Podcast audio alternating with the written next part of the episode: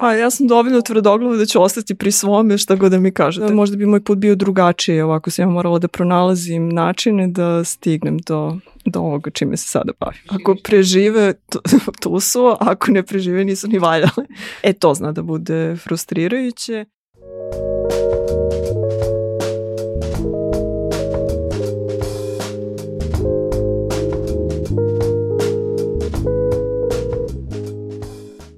Aleksandri je zabavno što njena mama ima problem da odgovori na pitanje čime se to čerka bavi. Ali joj ne zamera, zato što su njena interesovanja raznolika i polja delovanja se konstantno proširuju.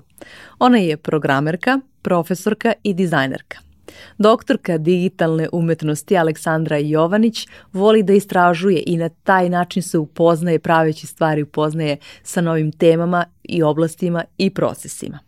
Poslednjih godina u fokusu njenog interesovanja su kreativno kodiranje i generativna umetnost. Ja sam Aleksandra Petrovski, vi pratite Fusnota podcast, samo za radoznale. Zdravo Aleksandra, dobrodošla. Zdravo Aleksandra. Ko si u suštini ti? Um, ok, kako je to škakljivo pitanje. Um, bila sam nedavno na jednom panelu i onda su me predstavili kao umetnicu i programera, ali su meni dali priliku da objasnim malo više i onda je priča ispala jako dugačka, ali um, ono što je u stvari suština uh, toga da se često predstavljam kao maker, kao neko ko pravi stvari ili druga onda e, funkcija ili kao druga, drugi opis bi bio to da prenosim to znanje kako se stvari prave, tako da sam maker i edukator ako nisam umetnik i programer. E, taj mi se opis zapravo više dopada zato što gledajući tvoj sada već pre davnih dana uh, TED govor koji, koji si imala, e, rekla si da ti na taj način zapravo istražuješ stvari praveći nešto, istražuješ stvari, tako da mi je taj deo bio jako interesantan u vezi sa onim što ti radiš. Ma da, to je i vezano i za neku radoznalost koju zadržimo od malena, kao kada dobijemo neki novi predmet, onda želimo da znamo šta je unutar njega, pa rasklapamo nešto, tako da to ako zadržimo, onda uh, želimo uvijek da znamo kako stvari funkcionišu, istražujemo i kroz to istraživanje onda učimo. E, je li bio neki trenutak kad si već to spomenula kao da, da to na, na, naprosto naš način ponašanja kada smo mali i do, dobar deo ljudi tokom odrastanja zaboravi na to ili prestane tako da se ponaša ili šta god. Da li si ti zadržala sve vreme tu niti ili si negdje umeđu vremenu ponovo otkrila je? A mislim da sam stalno bila tako da, da istražujem ili u stvari e, to da dok radim jednu stvar padaju na pamet druge ideje, tako da uvek postoji nešto novo, interesantnije na što se prelazi, tako da postoji ta neka šetnja. Da, pričat ćemo o tome šta, šta onda radiš ako imaš neke, ovi, neke svoje razrađene e, savete i trikove kako da suzdržiš nekako. Um, ono što, što uvijek volim na početku da pitam, bez, bez koje jedne neke stvari ili šta je to što moraš uh, svaki dan da učiniš sebi neko malo zadovoljstvo, ovaj, bez kojih stvari ti ne, ne bi prošao ni jedan dan? Um, svaki dan. Um, u stvari postoji taj neki moment da se osjećam neispunjeno ako nisam nešto napravila. To jest, ali sad to u kontekstu ovoga što sam rekao kao zvuči nekako opterećujuće, kao da stvarno moram nešto, ali volim kada postoji nešto što sam kreirala, tako da bez obzira da li je to nešto digitalno ili je analogno, a, s druge strane postoji ono da mi kreiramo i kada ne radimo ništa, tako da kao neke osmišljavanje nekih novih ideja isto nešto što bi učinilo dan uspešnim. E, ti si, e, ti si neko koji je uh, ceo od, od malena se baviš na neki način ovaj, umetnošću, a, ali ono što je interesantno da, da nisi ovaj, rešila da formalnim, na startu svog formalnog obrazovanja ovaj, kreneš tim putem. Završila si prvo matematički fakultet, a, je li tako? Kako, kako, je do, kako je mala Aleksandra došla ovaj, do toga da će, da će ovaj, upisati matematički fakultet informatiku i Da, da, da. Pa ja sam u stvari uh, to kao bavila se raznim uh, umetnostima, odnosno raznim medijima sam eksperimentisala, ali nekako uh, mi je bilo interesantno i to da računari isto mogu nešto da, da prave. S druge strane, um, kao e, put e, koji sam izabrala posle osnovne škole, srednju, odnosno gimnaziju, isto nekako je možda malo me udaljavalo od e, umetničkih praksi, tako da sam ja, ja vrlo lako i vrlo brzo odlučila da upišem računarstvo i informatiku na matematičkom fakultetu, tako da onda posle ili tokom studija sam polako počela da uvodim neke elemente u programiranje koji su dalje u stvari vezani za umetničke prakse, tako da kroz dizajn, prvo web dizajn, onda kroz ilustracije i tako dalje sam se vratila ka umetnosti. Uh, da li, uh, da li onda kao vej, si ti da li, doživlja, da, si, da li to doživljavaš zapravo kao još jedan samo novi medij na neki način. Tvoje znanje iz oblasti informatike je ono alat koji te je doveo ovaj, do toga. Da, odnosno to kao programiranje sada smatramo nekim esencijalnim veštinama i kao vrlo brzo ćemo svi morati nešto da znamo da kodiramo barem, tako da kao kad sam ja upisivala fakultet nije postojalo ovo čime se sada bavim, sada postoji naravno, tako da možda bi moj put bio drugačiji, ovako sam ja morala da pronalazim načine da stignem do, do ovoga čime se sada bavim. U tom trenutku kada si upisivala fakultet, e, kako si sebe zamišljala u ovoj tački vremena, recimo? Nisam baš toliko razmišljala daleko sežno kao... Um, da jednostavno, da ćeš da, se zaposliti. Da, da, da, ali kao to upisati uh, programiranje um, bez uh, neke prakse, odnosno da recimo u srednjoj školi ne postoji toliko intenzivno kao predmet e, kroz koji bi se to, kroz koji bi učenici to istraživali, toliko da znaju što se upuštaju. E, samim tim tokom studija su stvari studenti upoznaju šta je to u suštini i pronalaze svoj e, dalje način na koji će primijeniti to znanje stečeno na fakultetu.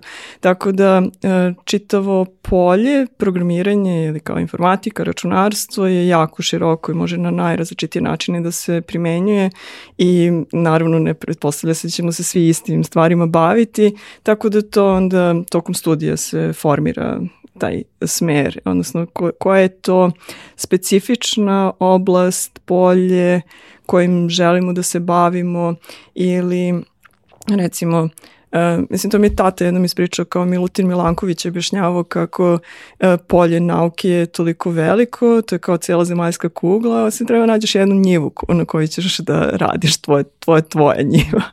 Da odobrađuješ to da, njivu. Da, da, da. um, koliko se sad kad si spomenula, koliko uh, je utice roditelja bio da, da, kao ti, da ti odlučiš da upišeš baš taj fakultet ili da kreneš u tom da, pravcu? Da, um, mislim, meni su roditelji uvijek dozvoljavali da biram ono što ja hoću, da, da ne znam, koju školu da upišem, šta da studiram.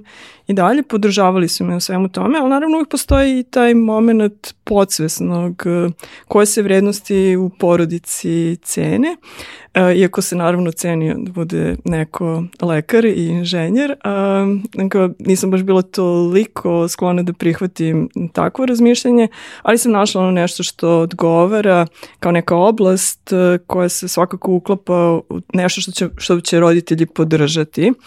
Um, ali naravno da sam imala podršku za ono što sam izabrala, kao pretpostavljam da bi imala i da sam nešto potpuno drugačije izabrala. Uh mhm. -huh. e, ove, interesantno mi je bilo, kada sam jednom pričala, ti si rekla ja sam htjela da budem šnajderka kad sam bila mala i to mi je bilo simpatično, što je istina neki način makerka. Je da, tako? da, da. U stvari, um, to je, da, to, to nije toliko šnajderka, nego u stvari to je proces pravljenja, kreiranja nečega. Tu smo imali malo probleme, zato što vi, to baš nije bilo podržano previše kao, e, kao aktivnost koja je mnogo pipava i kao troši oči i krivi kičmu i tako dalje.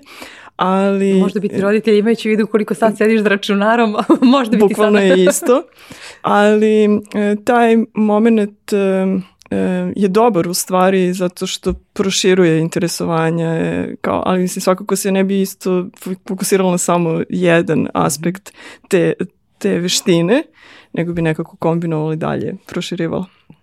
Ali kasnije si se realizovala na neki način u toj oblasti, hajde da kažem, ako, ako uzmemo kao da je Šnajderka nešto što inicijalno ima već sa modom, ovaj, ti si se kasnije realizovala u toj oblasti, dizajnirala si, je li tako? Pa da, u stvari, um, ja i dalje šijem sama sebi garderobu, ali e, to nije sada toliko u fokusu kreiranja kolekcije ili bavljenja modom specifično kao, ne znam, e, on, u onom tradicionalnom načinu kako zamišljamo modnog dizajnera. E, ovo je više istraživanje procesa i kreiranje iz nekog e, malog motiva, znači ne kao velikog poslovnog mm -hmm. motiva. A, tako da sam imala sreću da sarađujem sa Monom na digitalnim projektima, pa da onda učestvujem i u nekim drugim e, kreacijama, ali nije, to je sve veliko iskustvo koje posle može da se primeni na nešto drugo, ali nije nikad, nikad bilo u fokusu. Mm -hmm. Um, I kako se je inicijativa došla ono što sam ja videla ovaj, od tvojih fizičkih proizvoda, kaj, tako da kažem, su bile torbice za tablete, za tako... Ovaj... Pa da, ali to je čiste um, potrebe lične, kao to mi treba, kao imam tablica, mi treba torba, e, torbu ćemo nekako napraviti ili kao kupim novi laptop, novi laptop je uvijek novih dimenzija, moram da napravim torbu za novi laptop.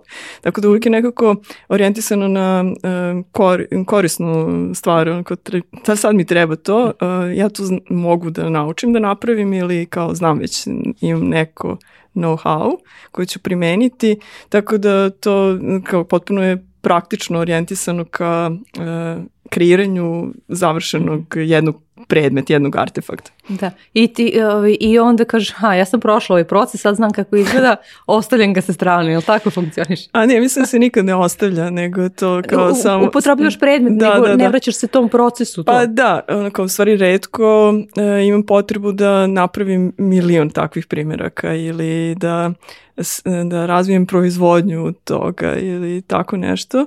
E, naravno to, sad mi palo na pamet, to svakako ima veze sa time što e, ja nisam e, kao da nemam posao i kao i ono što me u stvari najviše zanima, što je dominantno, pa da onda tražim način da e, to sprovedem kroz, kroz unutar svog života, da to bude neki fokus, mislim naravno da se ne bavim ovim drugim stvarima kojima se bavim, onda bi možda bio fokus na pravljenju modne linije, ali nije, tako da kao to sad bude samo kao hobi. E, hajde da, da se vratimo da se vratimo ono na čemu ti jeste e, sada fokus. E, dakle, završavaš osnovne studije e, i relativno brzo si pronašla i, i posao, u, što se kaže, u branši. E, I tu mi je interesantno bilo da si, e, da si tada radila u jednoj većoj ovaj, firmi koja, se, koja radi web aplikacije, ali si onda rekla, ha, kao ja sam ipak shvatila da, da, ja, da ja volim da radim ceo proces sama. I to je značajno spoznaje dok mm. neki ljudi ne dođu nikada u stvari. Da, u stvari sam jako um, rano znala da mi ne odgovara da radim u velikoj kompaniji koja uh, radi, ne znam, na velikom proizvodu gde sad ja pišem kod za jedan mali segment i da nemam um, utisak šta je ta celina na kojoj se radi.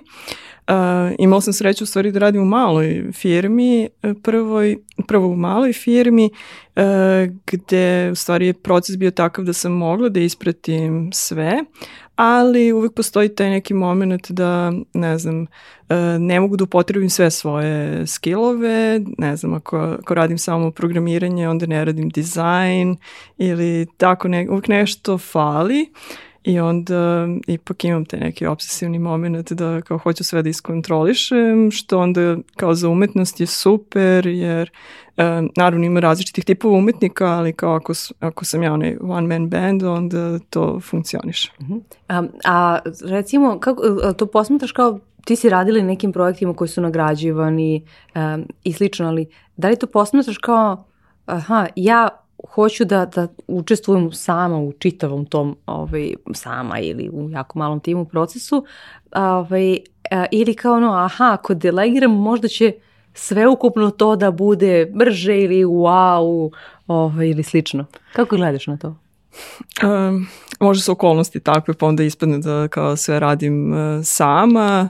Uh, naravno da su okolnosti drugačije, onda delegiranje nik ne bi bio problem. Mislim, radim ja i projekte sa timovima, sa kolegama, znači nemam problem sa time da podelimo posao da svako radi svoj deo. Um, ali kada su lični umetnički projekti, mhm. onda je možda malo lakše ako sve prilagođavam svom tempu, kad ne zavisim od, ili kad neko ne zavisi od mene, kad ne postoji neki timeline koji presira završavanje projekta ili donošenje nekih kompromisnih odluka, to zna da bude nezgodno, tako da s te strane može da bude E, dobro ako, ako je jedna osoba. Kako si uh, ušla prvi put u svet umetničkih projekata? To je bilo pre, pre upisivanja um, magistar? Da, ali um, evo stvari ne, u svojoj biografiji ne, ne vodim te um, projekte e, kao bitne, nego znači ono kao kada sam upisala magistarske studije, onda sam počela i sa izlagačkom praksom, tako da to je u stvari period od koga mm -hmm. kao godinu od koje govorim da se aktivno bavim umetnošću. Mm -hmm. uh, kako je izgledao da, da neko ko, ko je završio prvo matematički fakultet upiše uh, umetnost kasnije? Meni je bilo super. Stvari mi je bilo uh, veoma interesantno jer ta promena oblasti, odnosno u ovom slučaju polja, je bila veoma m, dramatična mojim kolegama koji su završili prethodnu umetnost pa nastavili magistarske studije iz umetnosti je to bilo samo neka nadogradnja, možda i ponavljanje nekih stvari kojima su se već bavili. Meni je sve bilo novo, tako da sam uh, upijala sve što se dešavalo i istraživala dalje. Tako da mislim, generalno i svojim studentima uvijek sada savjetujem da menjaju malo oblasti, jer svako istraživanje nečeg novog, novog polja može da im obogati uh, spektar tema, interesovanja, tehnika i tako mhm. dalje. Uh, kada si, tada si inicijalno imala Uh, jel si imala nedumicu da li ćeš se ti, da kažem, uklopiti na neki način. Tu da li ćeš shvatiti ovaj, to što se u, u, u, na formalnom fakultetu mm. ovaj, u oblasti umetnosti Da, ali mislim u stvari da o tome nisam uopšte ni razmišljala, jer kao ako sam odlučila ili želela da to upišem. Mislim, ja sam sticajem nekih srećnih okolnosti saznala da postoji program na Univerzitetu umetnosti iz digitalne umetnosti koji je otvoren za E, studente, buduće studente, bez obzira koji su prethodni fakultet završili, tako da sam već bila zainteresovana da, da ga upišem i onda mislim da bi bilo uh, sa, samo sabotaža ako bi razmišljali kao da li se uklapam u to, to jest kao bilo ko da li se uklapa u to, uh, da li, mislim ono želite to da upišete pa upišete. Uh, naravno kao profesor ili druge ili kolege mogu na to različito da gledaju i dešavalo se, ali mislim da sam se snašla dobro. E, I upravo zato što ti je sve bilo novo i drugačije, e, ti si u, u tu grupu nekako unela ovaj, novu energiju a, i kasnije si se ovaj, kasnije si bila saradnik, odnosno si da, da, ovaj, da. asistent. Da, ostala sam na tom mm -hmm. programu i taj, sa malom pauzom uh, sam se vratila, tako da ja i dalje predajem na, uh, sad je to doktorski, to su doktorske studije iz digitalne umetnosti i predmet interaktivnu multimediju. Uh -huh. e, i, a ugla, I uglavnom uh, upisuju, odnosno nastavljaju studenti umetnosti, je li tako? Ili ima, ima nekih da. koji su do, dolaze pa, iz drugih fakulteta? Ja sam imala mnogo sreće da je postao taj jedan period kada su primali studente bez obzira, kao, bez obzira na prethodno obrazovanje. Bilo je dovoljno samo da imamo portfolio kroz koji pokazujemo interesovanje i neko predznanje iz oblasti. Međutim, onda smo to u nekom trenutku, mislim, nisam ja ovaj, promenili, tako da smo vratili na staro, odnosno nešto što se u stvari uklapa u um, propozicije za upis uh, ostalih programa na Univerzitetu umetnosti, uh, iako su to interdisciplinarne studije uh, i dalje imamo uh, stavku da možemo da ofrmimo komisiju i da kandidata koji nema formalno umetničko obrazovanje primimo na osnovu toga što ima reference, radove, umetničku karijeru. Tako da zadržali smo tu stavku, tako da nije baš da ne može, niko, ne može neko sa, sa ko nije završio umetnost da upiše. Um, ali kao stvarno stoji sad da kao prolaz imaju oni koji su završili umetničke fakultete. Um, ali kao, s obzirom da tu nisam mogla da utičem, mislim da imamo na interdisciplinarnim novi studijski program koji je master umetnosti, dizajn video igara, isto interdisciplinarni program i organizujemo ga zajedno sa matematičkim fakultetom i sad smo se vratili opet na to da primamo studente bez obzira šta su završili, samo je bitno da imaju portfolio kojim pokazuju ili preznanje ili zainteresovanost za oblast.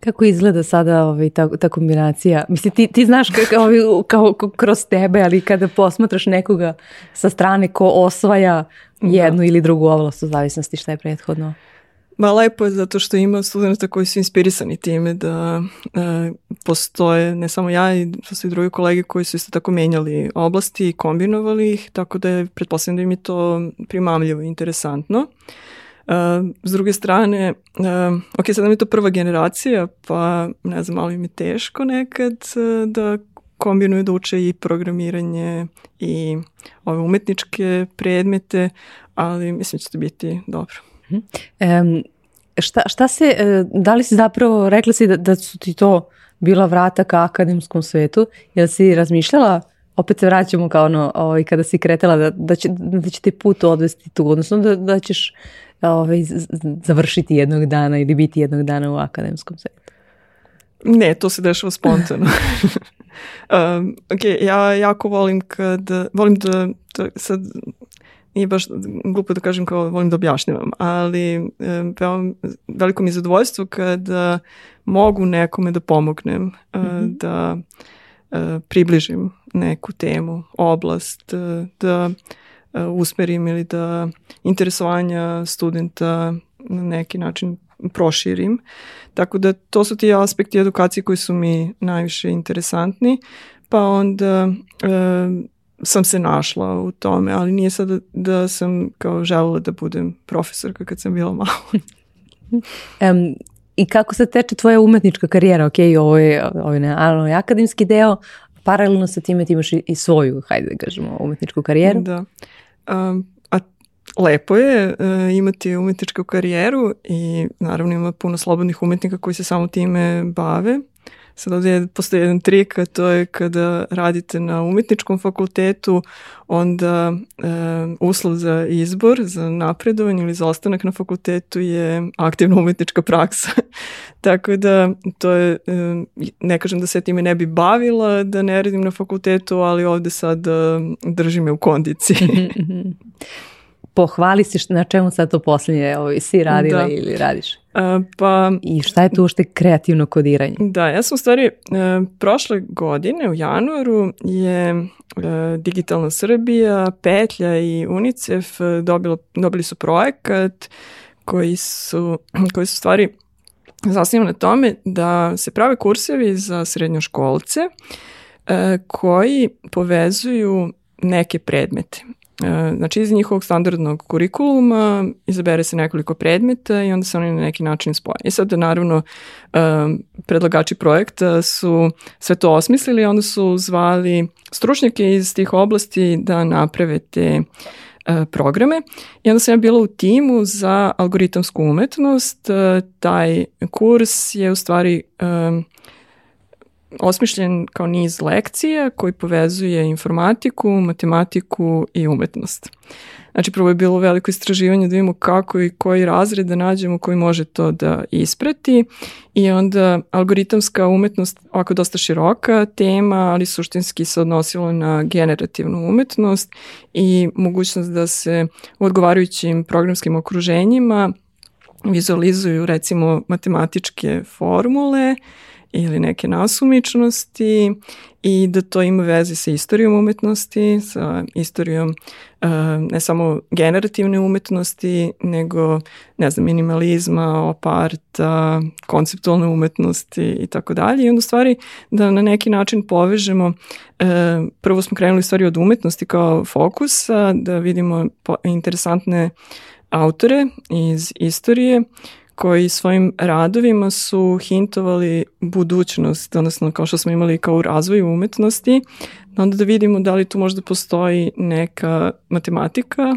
da približimo tu matematiku i onda na kraju da uh, isprogramiramo uh, novi rad, znači da koristimo kodiranje, da napravimo svoju varijantu te teme tog rada i tako dalje. E sad, pošto smo se time bavili, e, jedno par meseci smo razvijali taj program, onda sam ja shvatila da ja to stalno radim, ali da nemam radove koji su e, samo to.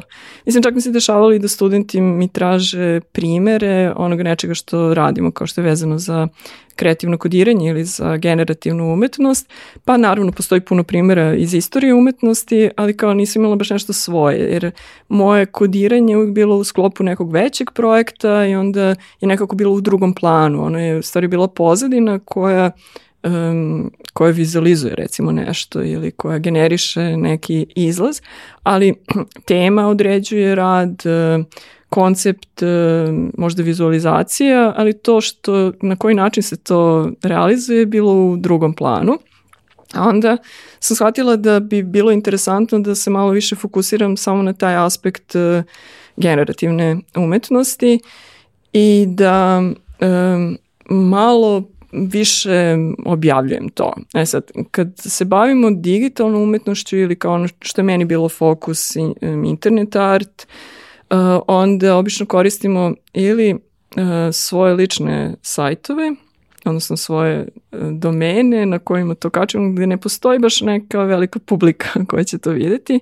Pa onda naravno koristimo druge oblike, ne znam, institucionalnog izlaganja, znači galerijama, muzejima, da onda te radove prikazujemo na neki drugačiji način, ali ostalo je interesantno to da e, način na koji mi percipiramo interaktivnu umetnost ili internet umetnost je nešto što je privatni prostor, odnosno na svom računaru, u mhm. svom okruženju, u svom stanu, kako je nama najlepše, najlagodinije, da tako u stvari percipiramo ta, te radove. Onda sam uh, u stvari gledala kako dalje da to uh, plasiram, promovišem i onda se kao navučeš se na, na, na to, kao svaki dan nešto da radiš, onda kao community je veliki, puno ljudi u stvari se time bavi, E, onda se ja kad kažem community je veliki, sad to globalno nije veliki, ali se mi sad svi međusobno znamo, mm. tako da je toga ovaj, vrlo interesantno. I desilo se u stvari da posle završenog tog projekta algoritamske umetnosti da sam e, stekla puno pratilaca, da nekako sam postala prepoznatljiva u toj oblasti i onda su u stvari usledili pozivi za izložbe uh, inostranstvu i tako dalje. Tak, tako da iz jednog banalnog razloga sam u stvari premestila fokus samo na online i super mi je krenulo. Mislim da u stvari pandemija pomogla tome da su se kao mnogi galerije orijentisale na to da imaju e, u virtualnim prostorima izložbe, a ovi radovi su idealni za takvo prezentovanje i onda kao win-win. Da. Jel možeš da nisam htjela da ti prekidam, uh, jel možeš da nam baš kao, kao što, što, što i studenti ili đaci ovaj, traže da im opišeš jedan primer, uh, da, da nam opišeš dakle Uh, uzimamo ono futuristu iz prošlosti, hajde tako da kažemo, jel da? Ne, nekoga ko je ovaj, predvide određene uh, trendove, uh, pokušavamo da pronađemo pattern u njegovom radu i, i, i zatim na tome dodatno radimo, odnosno to zademo kao ovaj, algoritmu da, da napravi tog novog umetnosti. Da, u stvari to je možda najinteresantnije kao početku prošlog veka su umetnici imali fokus, mnogi umetnici imali fokus na neke slučajnosti, na eksperimentisanje kao dadaisti, nadrealisti i tako dalje.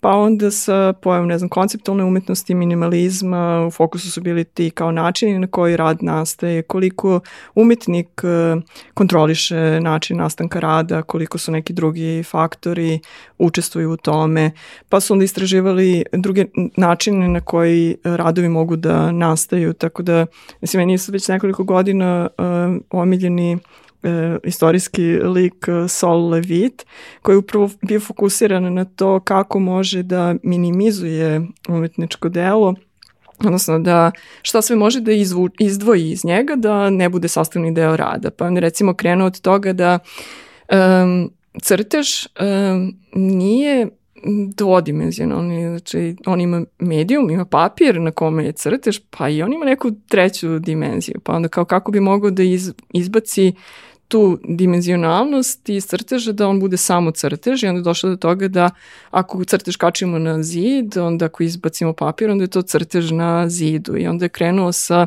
svojom najvećom serijom uh, wall drawings uh, gde ima više od hiljadu radova uh, koji su stvari izvedeni u galeriji na zidu. Za sve te radove on je pisao instrukcije kako se radi izvodi. Što bi rekli dokumentaciju. u stvari, u stvari nešto mnogo specifičnije zato što samim tim što je rad privremen, uh, onda mora da postoji recept za, iz, za pravljenje tog rada. I sad to kad kažem recept, onda to zato i solo gledamo kao preteču generativne umetnosti ili kao generalno digitalne umetnosti, zato što se bavio time kako u stvari možemo da zabeležimo instrukcije, algoritam po kome će nastati rad. Um, onda te, njegov, te instrukcije su vrlo šture, kao, ne znam, nacrte koliko hoćeš linije iz ćoškova zida ili na, na neizmenično crti crne i bele linije i tako dalje.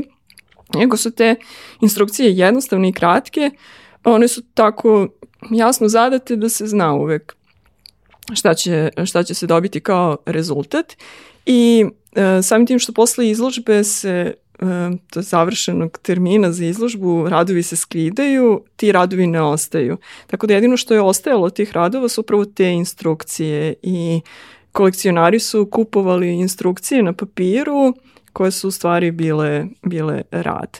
I Soli ispravo bio to pokušavanju da izdvoji šta je višak i sebe pokušavao da iz, kao da on u stvari kada napiše instrukciju onda bilo ko može da izvede taj rad. Um, u jednoj knjizi ne, njegov poznanica, recimo kao kolekcion koja je imala jedan njegov rad je tako e, posle svedočila da kao krenula je ona da crta, pa je onda došao Sol, pa je vidio, pa je onda bio malo rezervisan prema tome ko, ko može da, da izvodi njegove radove, ali Sol je super interesantan i prvo sad to kao preteča generativne umetnosti i onda e, svaki od tih radova može sada da se izvede i u digitalnom okruženju. Ono što je on pisao kao instrukciju za crtanje na zidu sada može da se zameni sa crtanjem u, na virtual, u virtualnom prostoru, odnosno na um, digitalnoj podlozi. Tako da, eto, to bi bio jedan od primjera koji postoji i u ovom našem kursu. Jedan njegov rad smo tako Dakle, to je, to, to je prvi, recimo, tvoj uh, zadatak kada, kada radiš nešto novo, da dekonstruišeš potpuno Ovaj, i, i, pa na neki način možda i da pomalo učitaš nešto, jer verovatno da, da ne možeš da pronađeš 100% Da, u stvari nikome nije da. interesantno da. da kopira nešto u potpunosti, ali to... To interpretacija da, na neki način. Da, ali to dela. istraživanje je vrlo interesantno.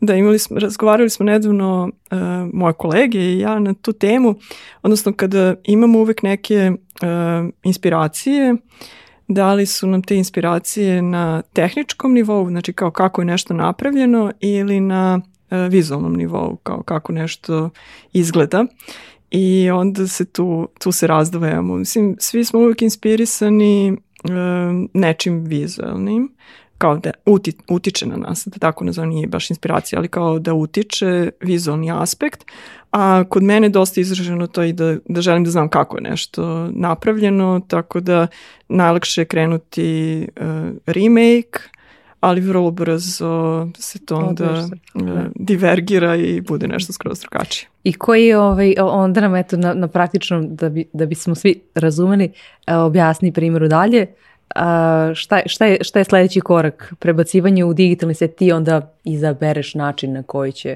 on biti prebačen u digitalni svet? Da, stvari sa računarima je skroz super uh, fora da uh, koristimo to što oni mogu milion različitih rezultata da nam izgenerišu. Odnosno ja napravim program koji, je, um, koji ima neke granice i onda unutar tih granica pustim računar da odradi varijacije. E sad, te varijacije su obično zasnovane na uh, pseudo slučajnosti, znači računari imaju implementiranu uvijek tu funkciju sluč, slu, slučajnog broja, ali ona nije prava slučajnost kao što imamo u stvarnom svetu oko nas. Uh, a, nego ona isprogramirana slučajnost, ali da, slučajnost je nama dovoljno dobra da simuliramo razne situacije, razne um, kao šumove, šta god želimo, sa različitim algoritmima dobijemo različite finoće tih nasumičnosti i onda ako ja upotrebim samo tu funkciju, pri svakom startovanju koda dobijem raz, različit rezultat i onda to ponavljanje može da bude beskonačno puta sa, da se nikad ne ponovi rezultat, da ne bude isti izlaz. E, I e, tvoj, tvoj, tvoj sledeći korak je onda kuriranje na neki način tih dela, da? Da. E, O, da, ima, postoji ta praksa da umetnici izaberu najlepše rezultate, da predstavljaju samo ono što im je najuspešniji rezultat. Ja sam se od uvijek bavila interaktivnom umetnošću, tako da ja redko stvari biram jedan izlaz. Mislim, biram jedan izlaz ako hoću nekome da pokažem statičnu sliku šta je, šta je izlaz iz tog koda, ali obično ostavljam mogućnost da e, gledalac svaki put kada startuje ili kada učita stranicu dobije drugačiji rezultat. Uh -huh. e, I e, kako, kako ide dalje u komunikaciji sa e, posmatračem, gledalcem, konzumentom umetnosti? Da, da, da. Ha? Pa sad je to više pitanje za, za gledalca. Um, Jel tebe onda zanima ta recimo prodaž, kao šta se dešava dalje, jel se interesuješ za taj deo? Da. A, ja sam stvari za doktorat radila kao umetničku igru i onda mi je bilo baš u fokusu kako gledalac ostvaruje interakciju sa radom, na koji način istražuje i to, to je sad kao u gamingu baš uh, interesantno jer da bi igra funkcionisala ne sme da bude previše teška, ne sme da bude previše laka, mora da zadrži motivaciju igrača i tako dalje. I onda sam to pokušavala da prenesem u umetnički rad, jer ako interakcija postoji, onda ti principi mogu nekako da se prenesu i onda sam posmatrala kako kako um, gledalac uh, ostvaruje interakciju sa radom. Sada se ne bavim toliko time, ali me raduju rezultati koje ne znam, neko sačuva pa okači, hvali se, pokazuje i tako dalje. Um, I uh, ok, uh, kako, kako sada da rekla, pohvalila si se da da ovaj, postoji interesovanje za, za to što radiš, gde mogu ljudi da, da pronađu Uh, da, u stvari, poslednje vreme sam aktivna samo na Instagramu i na Twitteru, tako da tamo ima svega. Um, postoji nešto što je dosta interesantno i kao um, moderno, da tako kažem, po znacima navoda. Um, mnogi umetnici kao koji se bave generativnom umetnošću, odnosno ili kreativnim kodiranjem, da rade takozvane dailies, a to je svakog dana napravi nešto, pa onda to nešto okači. To je onda dosta interesantno, zato što može da se prati kako od dana do dana e, kreator radi, kako istražuje ne, um, temu ili algoritam u ovom slučaju, kako ga nadograđuje, šta će novo dodati i tako dalje. Tako da sam ja imala jedan sad period duži kad sam to radila i stvarno je vrlo inspirativno, nekako uđe se u um, kondiciju i onda se dosta dobri rezultati ostvaruju. A, a, I generalno je vrlo postalo, hajde da kažemo, pa prihvatljivo, odnosno popularno, neke, te na način uh, learning in public, što, što se i ovo može podrazumevati. Ali vidiš na taj način svoju kao napredak ili šta je tebi recimo bitno da, da pratiš u, u tom, mm. zašto si ušla u tako nešto recimo? Da. Um, šta ti je bitno iz čitavog tog procesa? Da, um, odnosno, e, jako je teško i to smo često primićivali kod naših studenta, kada se osmišljava rad, da onda u tom procesu samo osmišljavanja bez rada e, se sporo napreduje. Odnosno, jako je mnogo više vremena potrebno e, osmisliti rad ako se samo sedi i filozofija, samo razmišlja onda se potrebno nešto raditi i da kroz taj rad se dobijaju nove ideje. Odnosno, ne mora sad bude samo rad, može da bude aktivno istraživanje, može da bude eksperimentisanje uh, u medijumu i da kroz, i kroz taj rad može da se ubrza proces. Tako da meni je to bilo veoma interesantno. Kada imam uh, poziv za izložbu i potreban je novi rad, uh, onda postoji malo pritisak kao šta smisliti za taj rad, kako ga uklopiti u poziv kustosa um, ili smišljati novi rad koji odgovara temi, e to znam da bude dosta stresno, ali kada, kada si u kondiciji, onda bude nekako lakše ili si već nekako bio na putu nečeg, na tragu nečega, pa onda samo nadograđuješ i nastavljaš dalje. Tako da u tom kontekstu vidim benefit toga kao kondicije. Pa da, o, to se može primijeniti zapravo na, na bilo koji drugi projekat uh, da. na kome radimo. A da li je taj, ako sebi zadaš uh, ono, 30 dana, da li je to taj 30. dana kao ono kaže kao ovo je stvarno ovaj, taj rad ili onda se vratiš kaže ali možda je sam nešto u toku procesa je bilo ono, mm. meni bolje na kraju dana. Da. Stvari ti daily su super baš zato što oslobađaju tog pritiska da je to gotov rad i svaki dan, sledeći dan je bolje do nekog trenutka kada više nema šta da se um, dodaje, da se oduzima, da se sređuje. Tako da u nekom trenutku se vidi da je to je to i dodavanje bi um, ne bi doprinelo samom konceptu ništa, odnosno radi da, da komunicira na isti način, uh, tako da nije potrebno ga objašnjavati ili kao nema potrebe dodavati ništa. E, tako da s te strane postoji taj, e, ti stepenici kao, kroz koje se prolazi. Um, ne znam, moraš sada da mi postaviš dalje. Da, da, li, da li si naučila, nisam htjela da te malo pre prekidam, da li si naučila zapravo uh, ili je to sve na nivou još uvijek nekako intuicije, e, ovo je finalni rad. Mislim, mi, mi ta čak finalni uvek možemo nekako da nadograđujemo i da detaljišemo da. i ostalo, ali jesi, to, to stvar prakse, kako kod tebi ide? Da kažeš, e, ovo je finalni, ovo je mhm. preko toga ću samo preterati.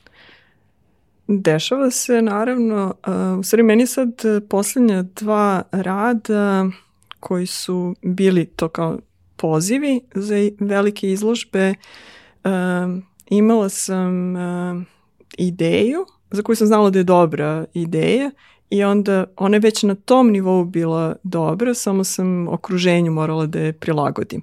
Tako da e, može do tog finalnog rada e, jako brzo da se stigne, a, a nekad je proces duži. Um, kao sad, da li postoji kraj, pa kraj mi odlučimo mm -hmm. kada, ili što bi moj dragi profesor Čeda Vasić rekao, prosto meni fokus uvijek bila interaktivna umetnost, on je bio pa dobro, kao i knjiga je interaktivna i slika je interaktivna kao ulje na platnu, zato što mi odlučujemo kada da započnemo ili kada da završimo interakciju sa tim delom, tako da kao i ovo isto može da bude beskonačno, možemo i sami da odlučimo sad je kraj. Da, zato te pitam kao jer stvarno može da bude pa ovaj, šta je to što tebi signalizira? Ili... Deadline. Deadline. A reci mi, recimo kada sam razgovarala sa nekim ljudima koji su, da kažem, klasični vizualni umetnici, e, oni su mi rekli da oni baš vole da stvaraju da što se kaže u tišini, odnosno da tek svoj finalni rad onda da, da ovi dopuste da komunicira i da, da ne vole naprosto da bi ih možda u toku stvaranja komunikacija sa nekim ko posmatra i tako dalje odvukla na neku drugu stranu da to ne vole. Kakav je tvoj princip?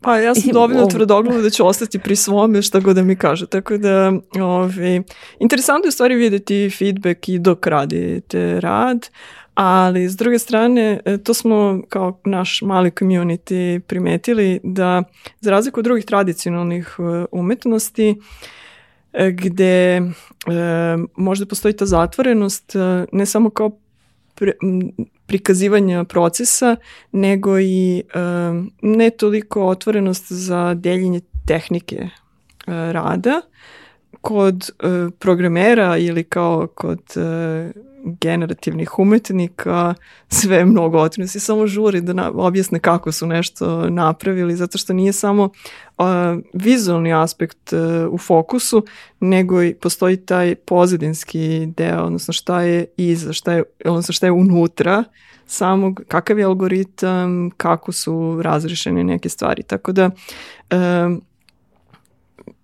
ne mogu da kažem da sam sad ja, e, fascinirana samo radovima za koje ne znam kako su napravljeni, ali postoji i taj moment da, je, da se vidi odmah da je nešto izvanredno, ali nekad ta izvanrednost može da bude i iz nečeg vrlo jednostavnog što se prepoznaje, tako da vrlo široko polje i sve, sve opcije su prisutne. -hmm. e, rekla si mi malo pre da, da su tvoji između ostalog radovi nedavno bili u Hong Kongu na, na izložbi uh, i da su na taj način, ono, a da kažemo, obišli svet. Uh, uporedo su bili, ne isti rad, ali uporedo Hong Kong i Pančevo ovaj, si, si izlagala, tako da što spaju, što spaje Hong Kong uh, i Pančevo ovaj, Aleksandrini radovi. Da. Uh, kako, kako to izgleda? Je li ima sad i taj moment da je kao, uh, kao i to će biti uh, ovaj, u Hong Kongu pa, pa je mnogo onako značajnije i grandioznije nego Bienale u Pančevu koje je okupilo super umetnike da. i vrlo progresivno kao tako. Pa meni jednako ovaj, drago da sam učestvovala na obe izložbe um, i svakako na obe imam, um, imam različite radove, ali pripadaju ovoj oblasti generativne umetnosti.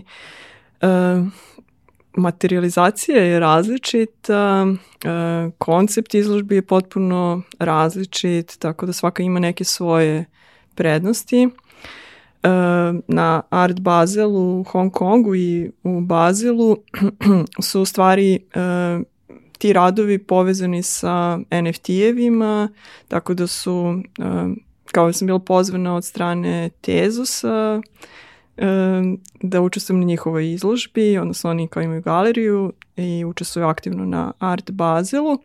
Tako da sam jedan, jedna od uh, nekoliko umetnika koji su prošli selekciju, pa sam imala priliku da moji radovi budu prikazani tamo. E sad, u Hong Kongu su to bile neke fenomenalne 4K projekcije, ogroman je prostor bio u pitanju i upravo ta mogućnost da iz mog koda se generiše uh, 1200 minimum različitih uh, izlaza, outputa, oni se na taj način i prikazuju, odnosno svaki put uh, taj rad izgleda drugačije.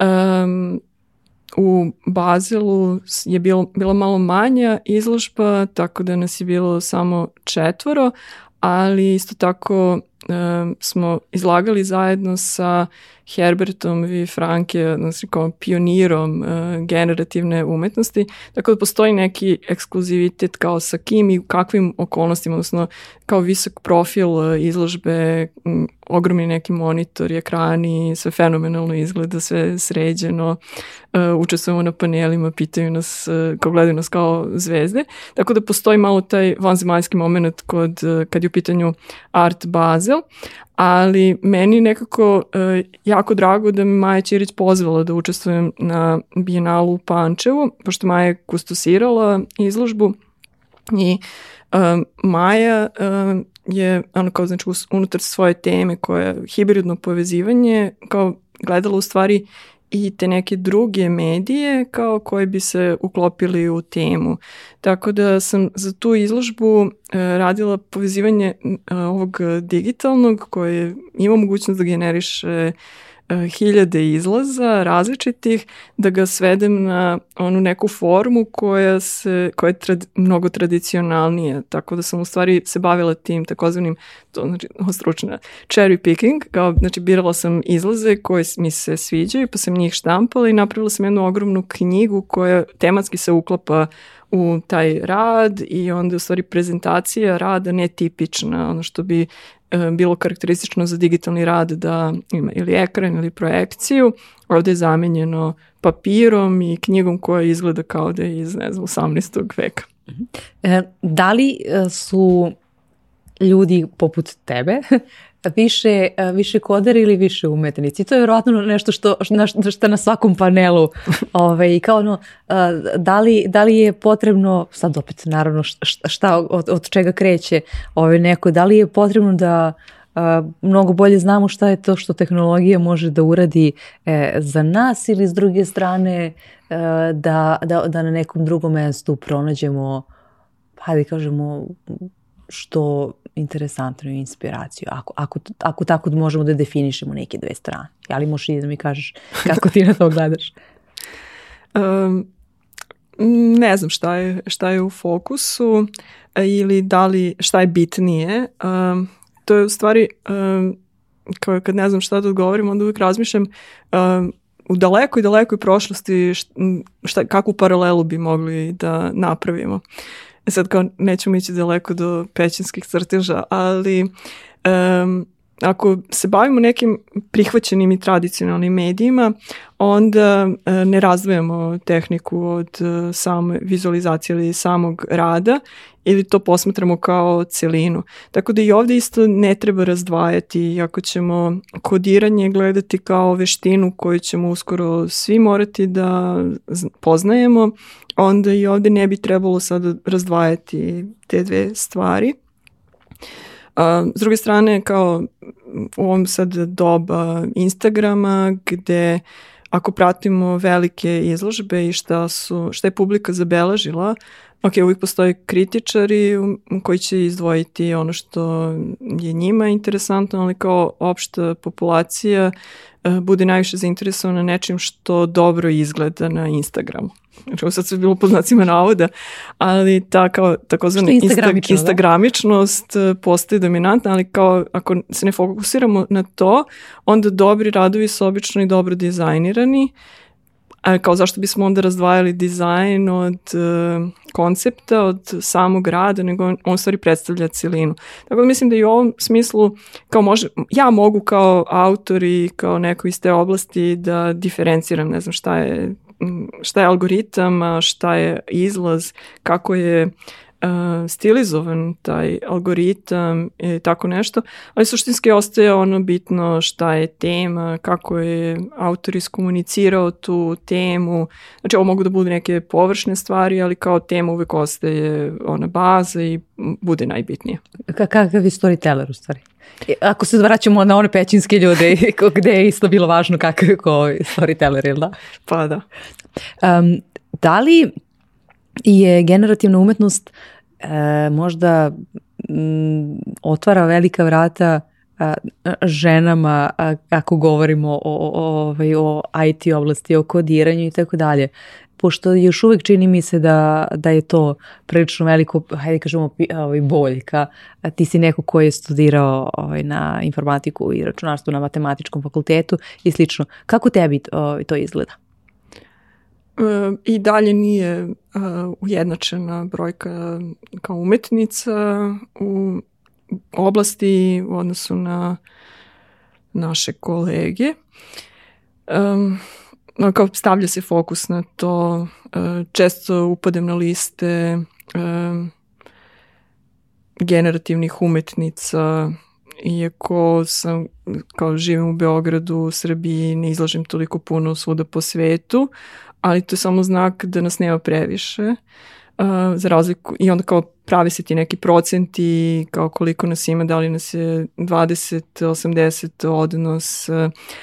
Um, ne vidim da je sad tu drugačije u odnosu na um, privredu ili kao bilo koje druge um, IT oblasti i um, može da bude ali ne, ne mogu sada da napravim da kao mnogo lakše baviti se generativnom umetnosti, umetnošću nego raditi u, ne znam, velikoj programerskoj firmi. Uh, a i ne treba da bude lakše. Pa pitanje nego... više kao da li prijem čivije naprosto To zavisi od ličnosti do ličnosti. Mm -hmm. ako, ako neko kao ja pa želi da vidi rezultat brzo, onda da. A ako je neko vredan i temeljan i voli da radi na velikim projektima, onda ne. Tako da. Mm -hmm. e, dotakli smo se e, i čuvenih, on malo si, si rekla da, da radiš i na e, NFT-u. Šta tu trenutno radiš? Um, odnosno, um, samo mogućnost da prikažem čime se bavim, e, desilo se u stvari da platforme za NFT-eve podržavaju generativnu umetnost u najboljem obliku. Mislim, s obzirom da je sve to online, onda kao internet kao već medijum podržava svu tu interaktivnost i onda je meni bilo jako lako da uđem u to polje. Mislim, lako po znacima navode, jer istraživanje svakog, svake nove tehnologije zahteva neko vreme. Tako da i za to je bilo potrebno malo istražiti, vidjeti o čemu se radi. Ali um, prepoznatljivost, popularnost generativne umetnosti, NFT-vi su jako doprineli. Znači, generativna umetnost kao digitalna postoji od ono 60-ih godina i to je, kao imamo pionire generativne umetnosti, jako poznate umetnike, ali ne toliko uh, prepoznate ili poznate, popularne kao umetnici u drugim oblastima. Ali sada sa ekspanzijom NFT-eva i generativna umetnost je dobila mnogo više na popularnosti jer uh, upravo ta mogućnost da svako ima jedan primjerak rada koji nije isti, odnosno da svako ima jedan kroz jedan, znači kao onaj primjerak grafike jedinstveni, jedan jedini. Ovde sada uh, mali kod to omogućava I onda uh, postoji veliko interesovanje i ne samo to da su stvari kolekcionari postali mnogo zainteresovaniji da proučavaju istoriju generativne umetnosti i da, sa, da se edukuju u oblasti da bi u stvari mogli da procenjuju šta je dobar rad iz generativne umetnosti, a šta je samo neki eksperiment. Tako da ima dosta benefita koji su onako na strane došli kroz NFT-eve, a u stvari su u fokusu i dalje generativna umetnost. Mm -hmm. E, koliko sad ti sve oblasti moraš da, da poznaješ da bi danas plivala u tom svetu? Ja mislim, 3 da do 4 onako baš za šivenje. pa da možemo da kažemo. Moraš kada, kada ovaj, se pojaviš kao umetnica, da, moraš da, da. lepo da izgledaš, da? pa kao recimo, um, kao neka likovna pismenost svakako je neophodna um, ajme to sada kodiranje, koje je vrlo specifično i postoji puno programskih okruženjima u kojima to kodiranje može da se izvede. Zatim poznavanje web tehnologije, što s jedne strane može da deluje kao a, nešto što se jako brzo nauči, jako brzo savlada i a, često, pošto imamo jako puno alata koji prave, ajmo da kažem, prave web sajtove, onda to uh, najčešće nekako stoji skrajnuto jer kao lako je napraviti web mm. sajt, ali ako hoćemo da u potpunosti budemo u kontroli onoga što pravimo za web, onda je ipak potrebno i neko poznavanje, ozbiljnije poznavanje tehnologija koje koristimo na webu. A ovde to sada sa ovim programskim okruženjima kroz koje ja recimo radim uh, je direktno povezano. Tako da može sve da bude sastavljeno u jedno, jer kao ja sad uh, bavim se procesingom, se radim u procesingu ili radim u P5, što je JavaScript biblioteka bazirana na sintaksi procesinga. Tako da uh, JavaScript, HTML, CSS kao tehnologije za web, onda sve to može da bude jedna stavka. I to bi bilo to. Samo? Dobro. Samo. Ako možemo da ubacimo još nešto, ali nije fair. Dobro. Um, kako, kako sada ti planiraš, ti paralelno imaš uh, karijeru, hajde kažemo, ovaj, umetnice i, i uh, da li to danas već uh, radiš po pozivu ili, ili i dalje uh, ti pronalaziš mesta gde bi mogla da, u projekte u kojima bi mogla da učestvuješ? Dobro, ja sam imala sreće od, ne znam, od pre godinu dana da dobijem pozive za izložbe, ali pre toga obično krećem sa tim nekim fokusom, nekom temom koju dalje istražujem i onda to oblikujem u izložbu, pa onda tražim prostor u kome ću to izložiti. Tako da sad paralelno imam obe prakse, zavisi od projekta do projekta. Uh mhm. -huh. Znači, ti neku svoju ideju inicijalnu koju imaš, a koliko sada imaš u šteku tih ideja? Ako sad zanemarimo, ok, da, da, da si nešto po pozivu radila, ovaj, da. i šta radiš sa njima? Ok, radujem se raspustu sad malo da, da se odmorim, ali um, imam jedan projekat koji završavam, uh, nadam se da ću ga uskoro završiti i dokumentovati pa da onda kao mogu da kao celinu prezentujem, jer sad je dosta fragmentiran i, i izležem na različitim mestima različite delove. Onda kad, kad ga svedem ja, to u bio jednu... plan ili stice okolnosti? Stice okolnosti, zato što je sve dosta haotično i ubrzano.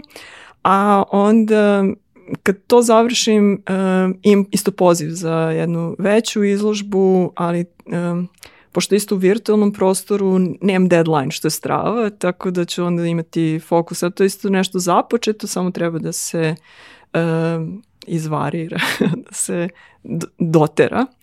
Tako da kao paralelno više stvari radim. E, obično postoje u različitim oblastima dileme kao ako je nešto da kažemo po naručbini, onda to ne dolazi iz moje ono srce, duše, ovaj, u moju kao potpunu inspiraciju i tako dalje. Kako ti plivaš u svemu tome? ne znači da je ovo nužno. Da, da, da. Ovaj... Znači, ovi svi projekti su potpunosti pod mojom kontrolom. Znači, tu obično je poziv vezan za neku opštu temu izložbe ili sam potpuno slobodna da prikažem šta god želim. Uh, A, o, problem u stvari postoji sa komercijalnim projektima gde a, e, klijent ima brief, ima zahteve, a, ima kontrolu, a, izabraće treće najgore rešenje od ponuđenih i tako dalje. E, to zna da bude frustrirajuće, ali sve zavisi od toga um, s kojim klijentom se radi. Svim da ako u poslednje vreme nemam toliko vremena time da se bavim, pa onda i nemam baš previše tih frustracija. Kako si se nosila ranije sa tim? Pa uvek postoji neki higher goal, ako Aha, više motivacije zašto se to radi. I što bi jedan moj kolega rekao, ok, to je nešto što nam ne ide u portfolio, ali ok. ok, da. Uh, I spomenula si na početku uh, da, da te motiviše deadline, a, a s druge strane da uvek dok radiš na jednom projektu uh, najbolje ideje za još šest drugih. Kako da. se nosiš sa tim? To je uvek tako. Pa ne znam, natiram se da završim nešto da bi mogla, samo ucenjujem se. Ako ne završiš ovo, nećeš moći da kreneš to novo da radiš. Um, imam dobar, dobar um, kontrolu svog rasporeda i nije baš da me deadline motiviše zato što nisam od onih koji ostavljaju za posljednji trenutak pa sada da kao dan pred deadline moram da sve završim. Obično dobro isplaniram vreme tako da imam prostora i da pre samog završetka počinjem i nešto novo da, da istražujem. E, a šta, šta radiš sa tim idejama? Kako obuzdavaš te misli ove, koje, koje se roje? Jel ih negdje pišeš, beležiš ili šta? Ako prežive, tu su. Ako ne prežive, nisu ni valjali. Šalim se, zavisi ove, ili ili kao zabeležim ili nacrtam nešto, znači uvijek postoji način da, da se sačuva.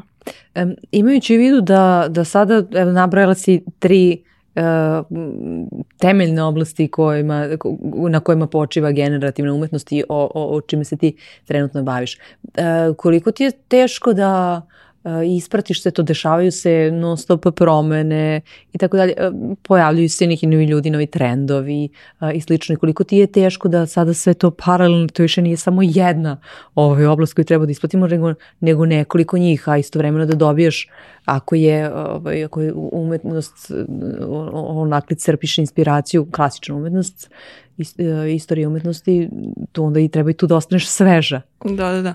Pa mislim u stvari mi drži to pojedinačni projekti, jer um, kao predajem puno uh, medija, odnosno kao moji studenti rade u različitim medijima, pa kao svakog predmeta, svaki predmet je nešto drugačije. Uh, ja u stvari ne radim istovremeno sve, nego onda imam um, kao godinu dana radim nešto. Mislim, da kažem godinu dana, ali kao neki period u kome, ne znam, radim 3D ili kao generativni 3D ili nešto tog tipa. Pa sad kao sad radim samo za web. Znači uvijek imam neki fokus gde onda ne rasplinjujem se toliko. A to kao da li se pojavljuju novi alati, nove tehnologije, da li treba pratiti što se novo dešava. Uh, nije toliko dramatično da se mm, pojavljuje nešto novo i obično smo fokusirani na is, izlaz, na ishod i onda svrsishodno se bavimo novim alatima. Ako znam da mi za neki projekat treba ne, nešto vrlo specifično što se realizuje u nekom, nekoj aplikaciji koju do tada nisam koristila, onda ću uložiti vreme da je savladam da počnem da je koristim, ali samo ovako istraživanje novih alata bez cilja je jako teško. Znači tu, tu, tu imam recimo problem sa motivacijom. Ne znam, ako vidim da se kolege bave nečima, ja ne znam ništa o tome, onda mogu da pomislim kao možda bi ja trebalo to da pogledam, ali dok, dok se ne desi trenutak da mi je neophodan, teško da ću početi da ga izučavam. A ili imaš ono, ako možeš da biraš ovaj, nekoliko ovaj, alat, ti izabereš onaj ko, na kome do sada nisi radila? Ne. ne. Zato što uh, treba brzo stići do cilja. Aha. Kao treba završiti projekat. Ti si projekat. praktična žena, u stvari.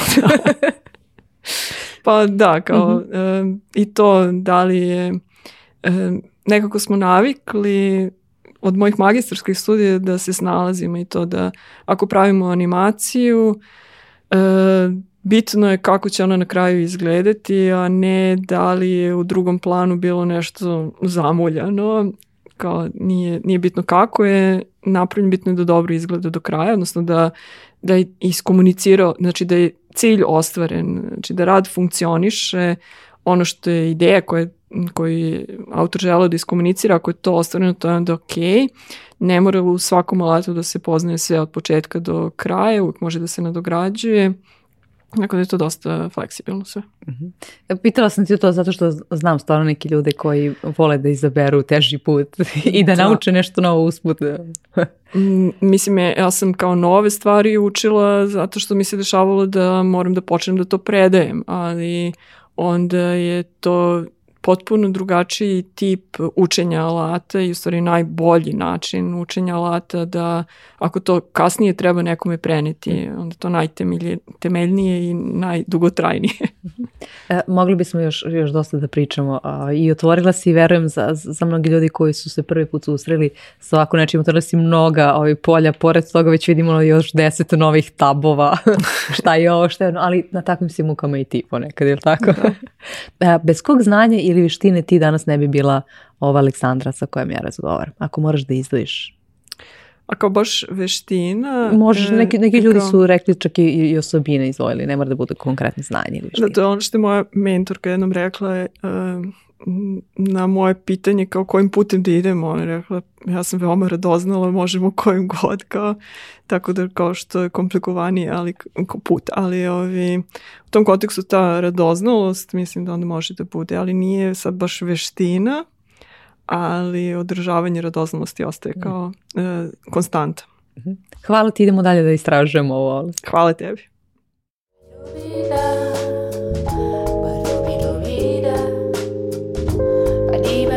para, para, para, raro.